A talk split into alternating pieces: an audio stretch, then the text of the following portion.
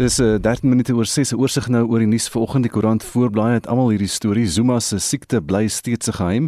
DKD hoof die nie mediese dokumente by hof in is die opskrif op die burger se voorblad vanmôre. Daar was gister dan drama in die wapenkorrupsie verhoor van Zuma toe geen dokumente oor sy mediese toestand by die Hooggeregshof in Pietermaritzburg ingedien is nie. Ons gaan ook later daaroor berig op monitor en dan hierdie berig van die rugby natuurlik. Kritiek teen Bokke wys mense gee om oor hulle, sê Ninaber. Dis die hoofafrigter van die Springbokke, Jacques Ninaber, wat so aangehaal word. Hy het om verskoning gevra en sê dit was nie goed genoeg nie. Dit was die span se swakste vertoning sedert 2018 het hy toegegee. Die voorblad van Beeld vanmôre in die noorde van die land, baie aanval in eie tuin eis Bakster. Ons het gister daaroor gepraat, kom uit die poort, man uit hospitaal sterk by huis aan en uh, hier is dan 'n foto ook van um, van Maria Badenhorst met haar koeksusters wat sy bak. Soekie Slabbert, haar vriendin word aangehaal. 'n Mens verwag nie so iets nie. Sy was nog baie aktief. En hier's 'n baie interessante koddige diertjie wat gister vrygelaat is in die Pretoria se dieretuin. Drie watervarkies tuis daar in die dieretuin. Sy naam is Capybaras en hy kom van Suid-Amerika af en hulle was geweldig lank in kwarantyne gewees, amper soos 'n Suid-Afrikaanse toerist uh, in Brittanje, maar nee, 60 dae in kwarantyne in Suid-Afrika en in Nederland. Die digitale Volksblad voorblad vanmôre het dan 'n storie oor Sander Builsma. Hy gaan sy skuldigbevindings aan en lewenslange gevonnisse weens die moorde op twee tienermeisies nou in die konstitusionele hof beveg. Die voorblad van Business Day vandag praat oor Telkom 3 miljard rand wat Telkom in waarde toegevoeg het toe op sy aandele natuurlik toe die plan bekend word om sy toring besigheid apart te lys. En dan wêreldnuus op bbc.com is 'n foto van Joe Biden saam met uh, Boris Johnson. Hulle is almal nou in New York uh, by die VN maar Biden downplays chances of UK-US trade deal en is natuurlik Boris Johnson se mond wat water om daardie um, ooreenkoms uh, gereed te kry. Ook 'n aardbewing in uh, Australië, Melbourne, 5,8 omvang aardbewing wat Victoria tref. En dis net so vinnige oorsig dan oor vanoggend se nuus. Ipsos het pas navorsingsuitslae bekend gemaak oor mense dwars oor die wêreld wat tuiswerk en ons praat nou half 7 vanoggend hieroor. Ons luisteraars vraag is daarop geskoei. Ons wil by jou weet, werk jy van die huis af? Wat se probleme skep dit of watter voordele ervaar jy? Daar is mense wat nou moet terugwerk. Hoe voel jy daaroor? Weer die gremering aansit nie hoe hake nê? En hoekom voel jy so daaroor? Laat vir ons weet. As jy graag van die huis af werk, maar jy het nie die nodige hulpbronne tot jou beskikking nie, praat dan ook met ons. Onthou jy kan vir ons 'n SMS stuur na 45889 dit kos R1.50 of gaan na facebook.com vorentoe skynstreep ZRC of dan WhatsApp vir ons stemnota na 076 536 6961 076 536 6961 Ons begin in Limpopo vanmôre. Die menseregte organisasie Section 27 het die Hooggeregshof in Polokwane se uitspraak oor pittoilette verwelkom. Die hof het die provinsiale onderwysdepartement beveel om binne 90 dae 'n hersiene plan in te dien oor hoe pittoilette by alle skole met spoeltoilette vervang gaan word. Die uitspraak is gelewer nadat die 5-jarige Michael Kumape dood is toe hy in 2014 by 'n laerskool buite Polokwane in 'n pittoilet geval het. Vincent Mofokeng doen verslag. Dit is 7 jaar sedert Michael se tragiese dood. Section 27 wat regsondersteuning aan die gesin gebied het, versoek ook dat die provinsiale departement 'n nuwe plan opstel om pittoilette by skole uit te wis. Volgens Nontsikelelo Mpulo, Section 27 se woordvoerder, moet die plan uiteensit hoe die departement beoog om dringende probleme met die skole se sanitasie in die provinsie aan te spreek. Section 27 welcomes the judgment of the High Court of South Africa, Limpopo Division, in the Rosina Komape and others versus the Minister of Basic Education and others, handed down by Judge Muller on Friday, 17 September 2021. The court has found in favor of the relief sought by Section 27. The judgment is a vindication of the rights of learners in Limpopo to safe and dignified sanitation It follows a six year legal battle to ensure that the Limpopo Department of Education and the Department of Basic Education eradicates pit toilets in that province. Die Komape gesin het aanvanklik skadevergoeding in die Hooggeregshof geëis, maar dit is in 2019 in die Hoogste Hof van Appel omgekeer toe hulle 1,4 miljoen rand toegeken is. Mpulo doen ook 'n beroep dat die hof 'n toesighoudende rol oor die proses moet speel. Section 27 returned to the High Court on the 6th of August 2021, seeking an order declaring that the LDOE and DBE's plans were unconstitutional and in breach of a structural order that Judge Muller handed down in 2018. We requested the court to direct the member of the Executive Council in Limpopo to remedy the shortcomings of the plan and to ensure that it is constitutionally compliant and file a revised plan in both physical and electronic formats with the court within 45 days. We requested that the court retain its supervisory jurisdiction in relation to this updated plan. Meer as 3000 skole gebruik steeds pittoilette landwyd, waarvan die meeste in Limpopo, KwaZulu-Natal en die Oos-Kaap is.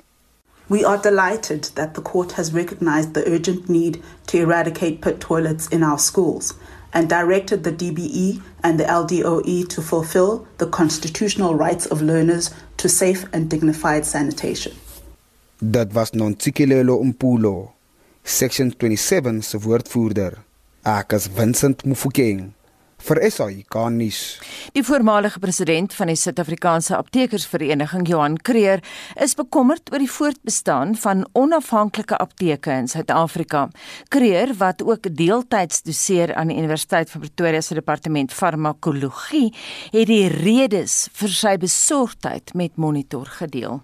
Jong mense is nie meer bereid om risiko te neem nie. Hulle wil net 'n gemaklike lewe hê. En in 'n besigheidswêreld moet 'n mens die hele tyd risiko kan neem. 'n Risiko beteken vooruitgang, dat 'n mens innoverend begin dink, dat 'n mens jouself en jou professie vooruitneem.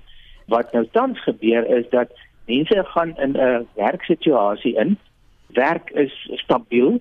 Hulle kry 'n inkomste, maar daar's geen inisiatief wat hulle wil neem om nuwe tendense in terme van besigheid en vooruitgang van die professie toe te pas nie. Dit is problematies op die langtermyn vir die professie self.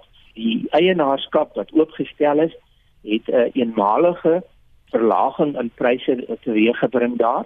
Die pryse word in elk geval deur die regering vasgestel, beide jou professionele fooi sowel as die prys van medisyne. En my vrees is dat die mededinge onder aptekers weg is en dat dit die professie gaan laat stagneer. Ongelukkig het ons ons professie geprostitueer aan die korporatiewe beleid waar die resepteerafdeling waar medisyne verkoop word agter in die winkel geplaas word. So dis bloot 'n lokmiddel. Die alleen apteeksake van die vroeëre bedeling was die hoofinkomste bron was die verkoop van medisyne. Die advies wat mense gekry het was in elk geval gratis, is mm. steeds gratis. Maar dit was die lokmiddel hoe jy pasiënte kon inkry. En dis hoe jy meegeding het met jou kollega deurdat jy sorg dat jou kennis en jou besigheidspraktyke absoluut voorop is en jy die hele tyd voorbly. Dit bly maar 'n uh, reisie tussen die rotte. Wat ons nou sien is dat dit stagneer omdat mense bloot net in 'n werk instap en dis 'n 8 tot 5 werk en hulle nie meer omgee regtig waar. Ek veral gemeen hier is daar uit die aard van die saak uitsonderings aan beide kante in terme van wat gebeur buitekant my spesifieke apteek? Wat gebeur met die professie? Wat se impak het wetgewing op my en op die toekoms van my professie? Wat gebeur op die platteland?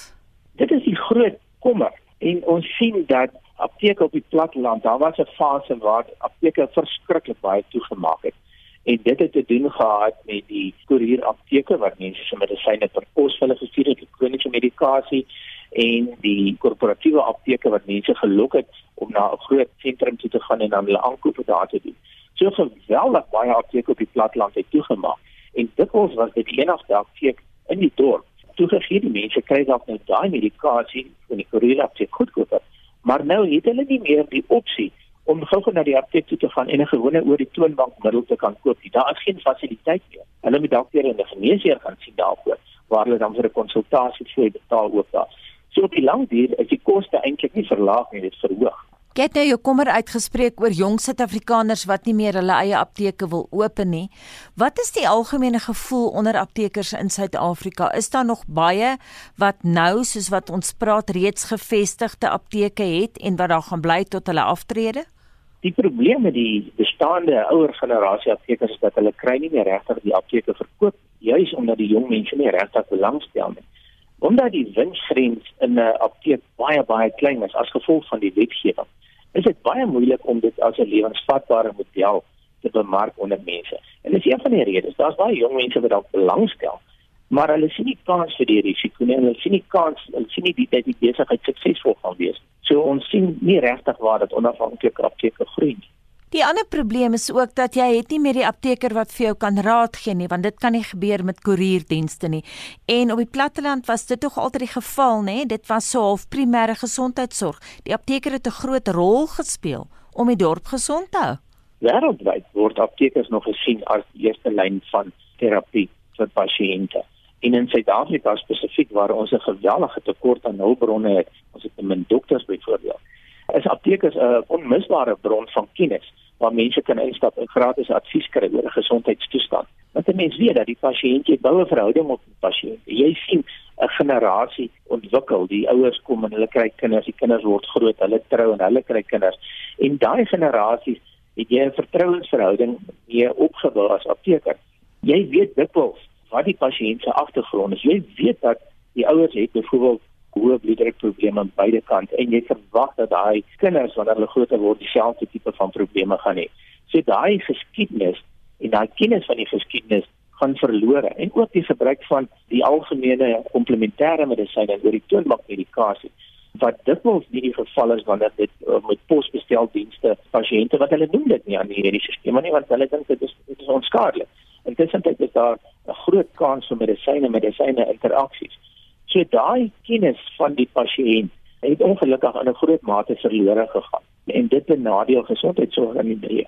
Johan, hoe gaan die prentjie in 10 jaar se tyd lyk? Like? Hoeveel apteke, eenman besighede gaan daar nog oorwees? Ek glo dat daar gaan 'n deel van daai apteke gaan oorbly. Daar gaan 'n sekere persentasie van hulle oorbly. Want daar is dit eenvoudig dorpe wat dit te klein is vir die groter groepe om 'n apteek op te maak en hy is kwaliek groot genoeg om 'n apteek te kan onderhou. En dan is daar ook apteke met spesifieke nismarkprodukte en nismarkte wat sal bestaan. So om te sê dat daar geen alleen eienaarskap apteke gaan oorwees nie, dink ek is daar nie heeltemal die stelling nie, maar ons gaan heel waarskynlik 'n afname sien. Dit dan die mening van die voormalige president van die Suid-Afrikaanse Aptekersvereniging, Johan Creer.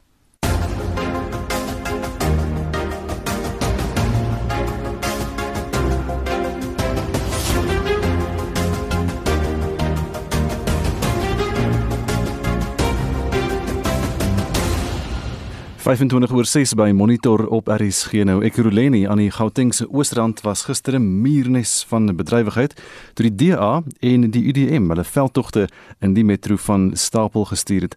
Albei partye beskuldig die ANC daarvan dat hy mense in die stad in die steek laat. Dit sluit in watertekorte, kragonderbrekings en 'n tekort aan basiese dienste. Estie de Klerk doen verslag. Die Ekurhuleni Metro het 'n skoon audit van die ouditeur-generaal ontvang vir die 2019-2020 boekjaar. Die audit het bevind dat die metro vir die afgelope 3 jaar geen onreëlmatige, ongemagtigde of verkwistende uitgawes gehad het nie. Maar inwoners op voedselvlak betreur 'n beweerde gebrek aan dienslewering. Die DA en IDM het nou hulle fusier op die ANC-geleide koalisie Metro. Die DA se burgemeesterskandidaat in die streek, Refilwen Tseke, sê dit is nou die regte tyd vir die party om die meeste van die 112 wyke te wen. We also need to deal with the water issue. I think talking about water, nobody wants to build industry if you don't have access to water. Nobody wants to build industry if you cannot have roads that are functioning. People's experiences in this metro is my lived experience. Some Tuesdays, I have to take out my own dustbin and I wheel it out with the rubbish inside. And by the end of the day, I have to put it back in the house with its rubbish still there. When you look at some of the contracts, there's dubious issues around what's happening to the tender for me. So I will be coming in to deal with these kind of things. Die IDM-leier, Bantu Holomisa, het Alberton besoek om steun vir sy party te wen, wat ook al die wyke in die metro wil betwis. Die IDM se steun het in die 2019 algemene verkiesing tot sy laagste vlak gedaal. The United Democratic Movement will meet the deadline at 5 o'clock this afternoon. We are ready We thank the Concord as well as the IEC for extending the registration. So we are okay this time around. The ground is very, very fertile. Who has ever thought that today the ANC is being threatened, that it may not even make it in 2024? So its chances are there for us to pull up our socks. So let's leave it to the voters. Albei partye berei nou vir hulle verkiesingsmanifeste voor. Die DA se bekendstelling is op 25 September en die van die IDM op 2 Oktober. Hierdie verslag is saamgestel deur Boesie Chimombe en ek is Estie de Klerk vir SAK nuus.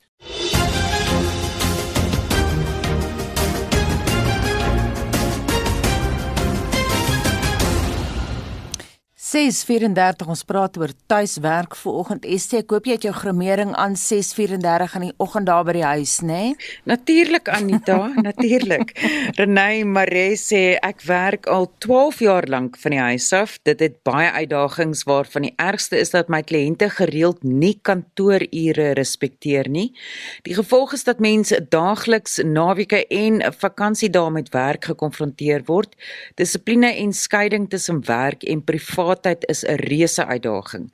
Die ander probleem is daardie oproepe, ek wil net gou-gou iets vra wat 'n uur gratis konsultasie word.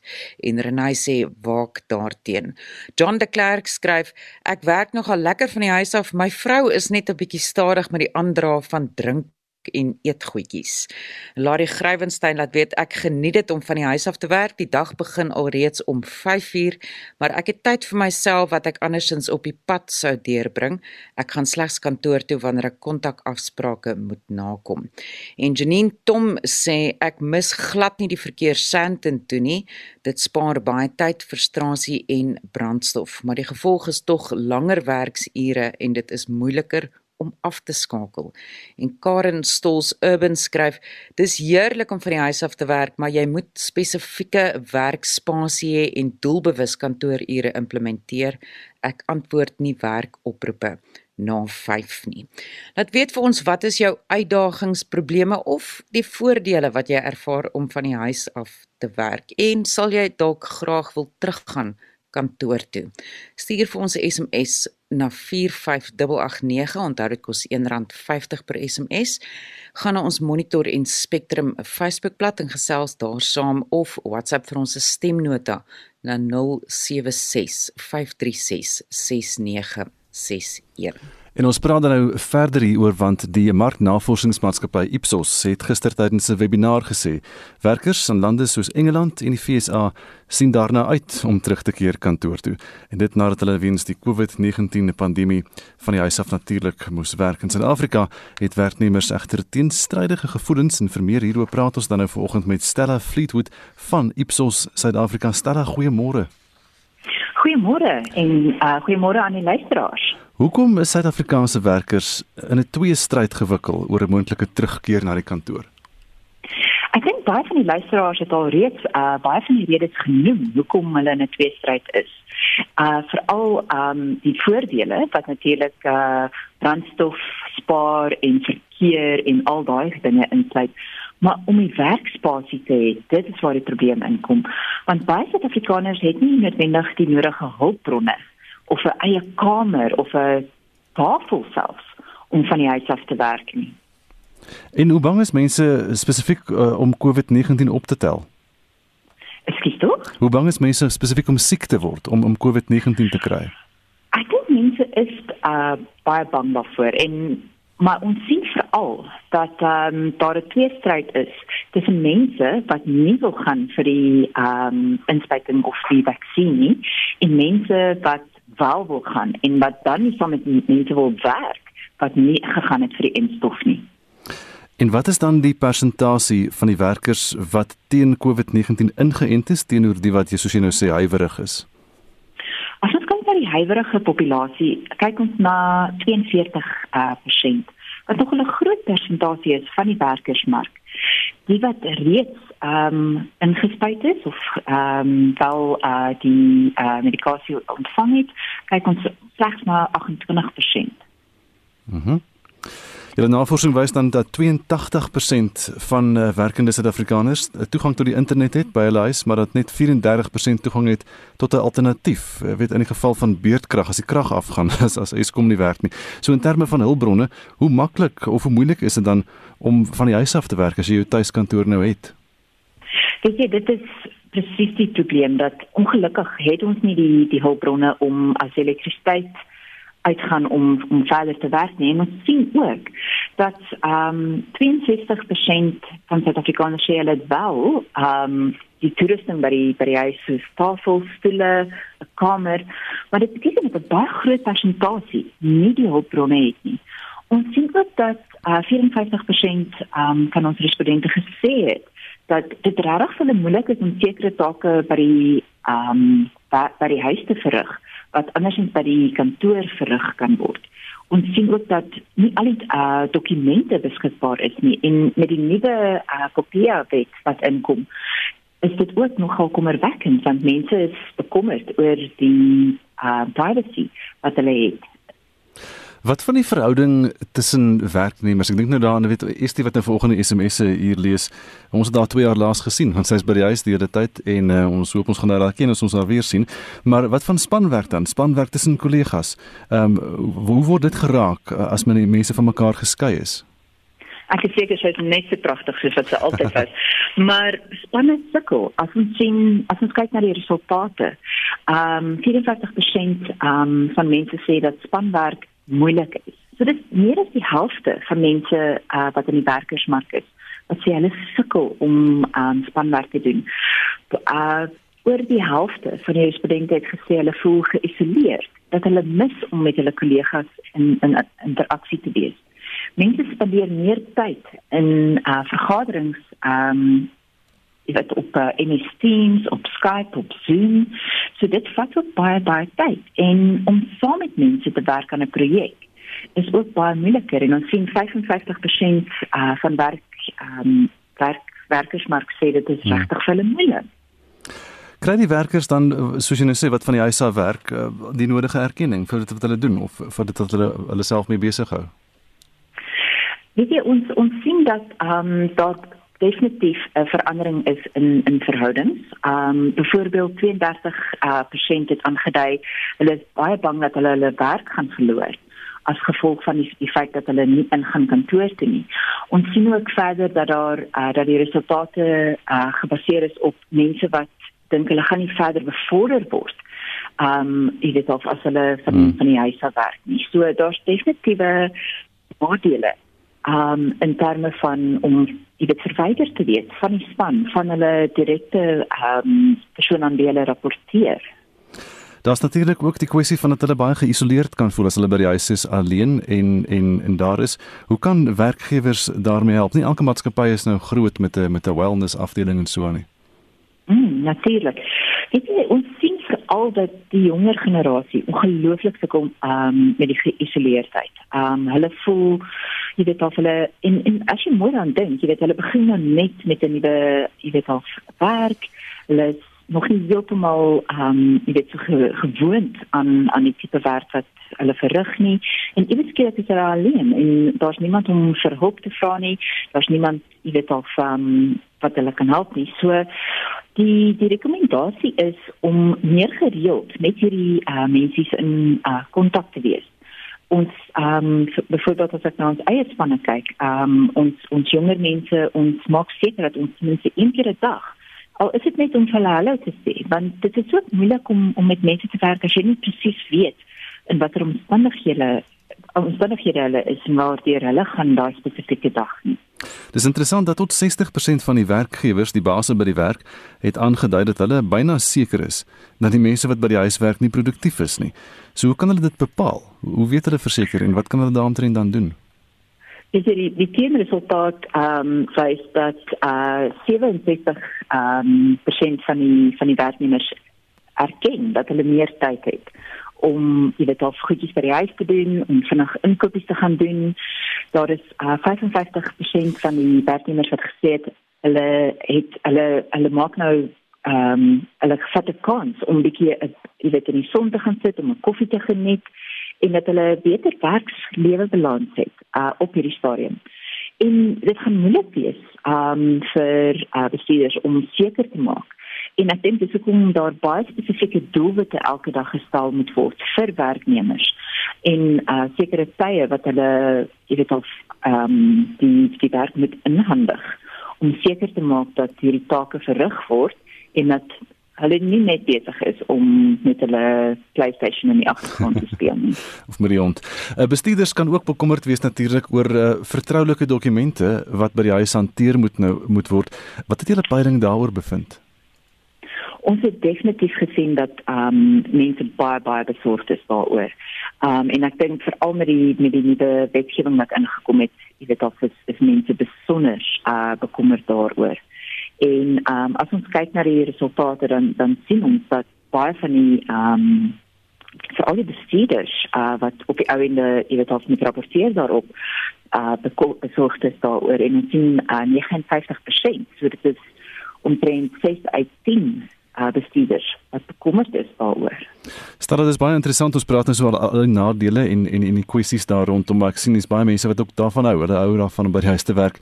Die man sê hierso op die SMS ek werk in IT, gebruik Teams vir meetings en calls, baie meer produktief. Dan seker maar af van watter werk jy ook doen en en hoe goed jy daardie werk kan doen so so van die huis af. Stel baie dankie vir die praat vanmôre. Stel Fleetwood is van die marknavorsingsmaatskappy Ipsos Suid-Afrika.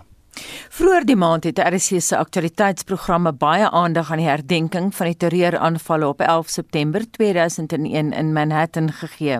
Ontleeders beskou die gebeure as 'n soort terreur Rubicon wat oorgesteek is. Afrika het egter 'n soortgelyke Rubicon gehad. Op 7 Augustus 1998 het bomme byna gelyktydig vir die Amerikaanse ambassades in Nairobi en Dar es Salaam ontplof wat die lewens van 224 mense geëis en 4500 ander gewond het. Ons praat ver oggend hieroor met Willem Els van die Instituut vir Sekuriteitsstudies in Pretoria. Môre Willem. Goeiemôre Anita. Voor ons begin vir diegene wat dit al vergeet het, hier is klank van daardie 1998 aanvalle wat die SAIK radioargivaris Karen de Tooy vir monitor gaan soek het. Vermoedens is aan die toeneem dat moslim radikale vir die twee bomontploffings by Amerikaanse ambassades in Kenia en Tansanië verantwoordelik is. Deskundiges sê hulle vermoed dat die meesterbrein agter die aanvalle 'n internasionale sambreel-organisasie van moslemgroepe is wat deur 'n Saudi uitgewekene Osama bin Laden gelei word. Bin Laden is 'n Saudi miljonair wat in 1994 sy burgerskap ontneem is omdat hy internasionale terreur gefinansier het en herhaaldelik vir aanvalle op burgerlike en militêre teikens in Afghanistan gevra het. Die Amerikaanse minister van buitelandse sake, Madeleine Albright, sê Amerika sal jag maak op die skuldiges. The memory of the United States is long and our reach is far and we will bring to justice those who have perpetrated these horrendous acts. Ja, is stem daar van Madeleine Albright. Baie interessant. Uh, Willem, jy's nog daar, reg? Dis reg. Ja. Jy jy het geluister hierna. Ek luister nou na ons kollega Evert Snyman wat so praat van Ben Laden. Jy kan agterkom ook met die toe ons 11 September die herdenking gedoen het met die argiefklank gewerk het. Die skok ook vir die omroepers en die feit dat baie van hierdie groepe destyds onbekend was. Ek meen een van ons ontleeders het verwys na Al-Qaeda. Uh Ben Laden. Hy was nie toe uh 'n naam wat so gevestig is in die volksmond soos nou nie, Willem. Nee, uh, uh, Anita beslis nie. Ons sien dat uh, wat wat gebeur het is 'n uh, jy weet uh, Afghanistan wat nou onlangs uh, baie in die nuus is met die Taliban wat nou weer oorgeneem het daar. Uh, dit is maar waar die die dinge begin gebeur het. Uh, Bin Laden het daar gaan veg teen die uh, teen die Russe wat natuurlik 'n uh, uh, inval van hulle kant af op uh, Afghanistan gedoen het en daar sou 'n groep van uh, internasionale uh, vegters bymekaar gekom wat wat saamgeveg het daar en hulle het 'n broerskap gevorm daar wat natuurlik gelei het tot die ontstaan van Al-Qaeda en van die ander splintergroepe wat daarna gebeur het en dit is hoekom hoekom Afghanistan vir ons vandag so baie belangrik is. Net terug na 98 toe Washington het nie minder nie as 900 FBI agente met die ondersoek belas. Dit is die grootste gewees tot op daardie hede. Daai hede was nou Augustus 98.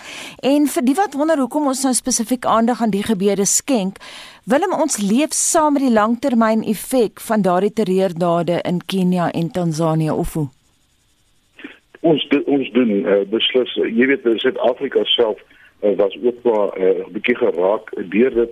Ons sien dat een van die terroriste van die sel wat verantwoordelik was vir die ontploffing in uh, Dar es Salaam uh, is in Kaapstad gearresteer. Hy is uitgelewer in Amerika. Hy dien tans lewenslange tronkstraf uit daar. Sy naam is Kamis Mohammed. So uh, Suid-Afrika uh, het ook maar uh, jy het deel gehad van die hele ding. Die hele Afrika word uh, natuurlik uh, uh, geraak. Ja, die as ons kyk na uh, in die onlangse verlede sien ons dat die swaartepunt van die aanvalle veral van ISIS uh, het na Afrika toe geskuif waar meer as 41% van die aanvalle in Afrika en op Afrika grondgebied plaasgevind het in die onlangse verlede. So Afrika word beslis geraak.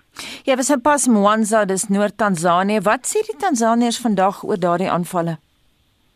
Uh, jong weet jy dit is nog baie vars in hulle geheue. Hulle praat baie Mwanza is 'n baie interessante of 'n belangrike uh, dorpie is nie nood uh, uh, weste van uh, van Tanzanië reg op die banke of die walle van die uh, Victoria meer. En die die persoon wat uh, deur Osama bin Laden gestuur was om die twee aanvalle te beplan en te koördineer, was hy tweede in beheer. Die man se naam was Alban Shiri en hy het van Tanzanië af met 'n met 'n boot na Kenia toe gereis nadat hy sy beplanning in Tanzanië gaan doen het en dit het dit natuurlik gesink en hy het uh, gesterf saam met meer as 800 mense. So uh, dit is vir die Tanzaniërs toe ons nou daar was vir al 20 jaar later en terwyl ons daar was was daar ook 'n aanval op die uh, Franse ambassade waar 'n man mense begin skiet het daar. Dit het vir hulle weer baie baie werklik gewees dat terrorisme is hier en ons moet moet met dit deel in Afrika. Willem Boko Haram se bedrywighede in Noord-Nigerië is oorbekend aan Suid-Afrikaners, so ook die terreur natuurlik in Cabo Delgado in Mosambiek. Waar is Afrika se ander terreurbrandpunte? Uh, uh, Anita daar is basies vyf uh, groot uh, brandpunte in Afrika. As ons in die noorde begin, dan sien ons is die die lande soos Egipte noord van die Sahara, dan sien ons dat die Sahel of die Maghreb soos hulle dit noem, uh, die streek die droë streek wat van Senegal en in in die, die uh, weste af oorstrek na tot by Somalia in die in die, in die uh, ooste. Daar sou is 'n redelike groot brandpunt in lande soos uh Burkina Faso op die oomblik, Mali wat onlangs in in in, in die nuus was toe een van die terroriste leiers doodgeskiet is daar. En dan sien jy natuurlik in die hoorn van Afrika, die uh, Somalia area en dan uh, as jy verder afsit kom in die uh, DRC of die uh, demokratiese dis 'n uh, Republiek van die Kongo, uh, aan hulle uh, oostelike gedeeltes is daar so 'n redelike brandpunt en dan natuurlik uh, soos wat ons die afgelope paar maande of jare gepraat het in Mosambiek is daar ook 'n redelike brandpunt. Nou baie van die terreurgroepe sit nie uh, om dieselfde vuur nie. Ek dink nou byvoorbeeld aan Al-Qaeda aan wie die Taliban gekoppel is, sit nie om dieselfde vuur as ISIS nie. Is dit nie ons voorbehou nie Willem dat hierdie terreurgroepe nie met mekaar oor die weg kom nie of is dit besig om te verander? Ja, dit is natuurlik tot ons ons ons ons voordeel. Ons sien byvoorbeeld in, in 'n land soos Somalië het die twee groepe natuurlik oorlog verklaar op mekaar en maak hulle mekaar dood en as uh, en so hulle werk so 'n bietjie teen mekaar daar. Uh, maar ons sien ook dat in uh, die Maghreb of in die Sahel soos dit bekend staan, uh, is daar twee uh, uh, some real organisasies die een wat natuurlik getrou is aan Al-Qaeda en die ander een wat nou getrou is aan uh, die Islamiese Universiteit. Nou wat ons sien wat, wat gebeur daarso is dat wanneer die een groep uh, grondgebied begin oorneem en dan kom die ander groep om te help hulle om dit te konsolideer want hulle het 'n gesamentlike uh, vyand. Uh, ons weet dat hulle later miskien so 'n bietjie weer sal beklei maar terwyl dit hulle pas op die oomblik werk hulle saam om uh, om te om 'n gemeenskaplike doel te. Willem, hoe lyk dinge in Mosambiek? Stabiliseer goed daar? Ek dink nou aan die Afrika weermagte wat daar is om te kyk of hulle 'n bietjie uh, dinge daar kan stabiliseer. Ek praat spesifiek oor Cabo Delgado, maar daar is nou sprake dat die terreur dalk afbeweeg, ek weet nie. Ja, uh, Anita, dit is dis onrusbarend wat gebeur op die oomblik daar. Uh, jy weet die die die, die magte van Rwanda het inbeweeg, die magte van die uh, SAOG lande het inbeweeg en uh, mense sou verwag het dat hulle nou die terroriste in die basis so vasgepin het en hulle sou uh, kon arresteer het en baie van hulle kon doodgeskiet het. En natuurlik die saak dan kon gestabiliseer het. Maar wat ons sien wat gebeur het is dat uh, die terroriste hulle hardloop maar om, om 'n ander dag te beklei. So party van hulle is gearresteer nie vrees dit baie nie party van hulle is doodgeskiet en ons sien dat hulle tussen die gemeenskap inbeweeg en in die bosse in. So hulle hulle hulle staan nie vas in hulle basisse waar dit maklik was om hulle te gaan uithaal omdat jy geweet waar hulle is. Nou het hulle beweeg in die in die gemeenskappe uit waar hulle van uit die gemeenskappe 'n basis kan vorm om dan toekomstige aanvalle uh, dan te loods. Ons sien ook dat die die die episenter van die aanvalle was in die Cabo Delgado provinsie gewees, maar volgens aanduidings uh, het van die uh, terroriste nou beweeg aan die naburige Nyasa provinsie in mm. Noord-Suid Nampula. Baie dankie en so sê Willem Els van die Instituut vir Sekuriteitsstudies in Pretoria. Ses voor 7 en oud-president Jacob Zuma se spesiale pleitverduideliking het gister in die Pietermaritzburgse Hooggeregshof begin. Die verdediging doen aansoek dat die staatsaanklaer advokaat Billy Downer hom aan die saak onttrek weens onbehoorlike gedrag. Die hof word ook gevra om Zuma op grond hiervan vry te spreek. Zuma en die Franse wapenmaatskappy Thales staan tereg op aanklagte van korrupsie, rampokkery en geldwasery in verband met die 1999 wapenaankope ter waarde van miljarde rand. Zuma, wat steeds onder mediese sorg is na operasie, het besluit om nie vir verdere uitstel te vra nie en die verrigtinge eerder virtueel te volg. Dries Liebenberg berig. Hoewel Zuma nie in die hof was nie, het regter Piet Koen besluit om gerieflikheidshalwe die aansoek aan te hoor. Die verdediging voer aan dat Downer nie onbevooroordeeld, onpartydig en regverdig was in die hantering van die saak nie. Downer is al 20 jaar lank by die korrupsiesaak betrokke nadat Zuma se finansiële raadgewer, Shabir Sheikh, in 2001 in hegtenis geneem is.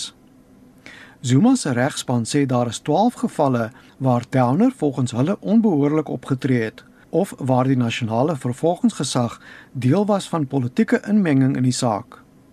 Advokaat Tabani Masuku het namens Zuma betoog dat Downer al so lank by die saak betrokke is dat hy nie meer onpartydig kan wees nie. Masuku sê Downer is bereid om die betrokkenheid van 'n buitelandse intelligensieagentskap en twyfelagtige NVG besluite oor die hoof te sien solank hy Zuma kan vervolg. This was a travesty of justice. We cannot use the NPA as a constitutional institution in these circumstances. When you just have a look at the affidavit of Mr. Hoffman, Mr. Downer wants to prosecute and disregard what is contained in his boss's affidavit. He wants to disregard all that. All he is interested in is one thing answer the question do you receive money or not? And that's not how our South African prosecution works. There has to be integrity. Advokaat Wim Trengove het egter namens die staat betoog dat die NVG se regstatus om sake te vervolg nie betwis kan word nie omdat dit ingevolge die grondwet tot stand gebring is.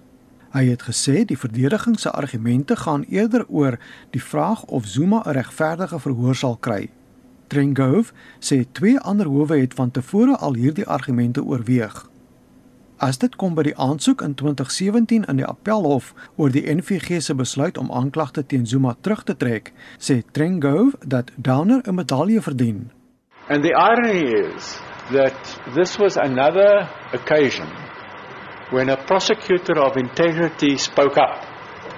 My goodness, we need more prosecutors of that kind who have the guts and the courage to speak out about the decisions of their superiors when they believe them to be wrong.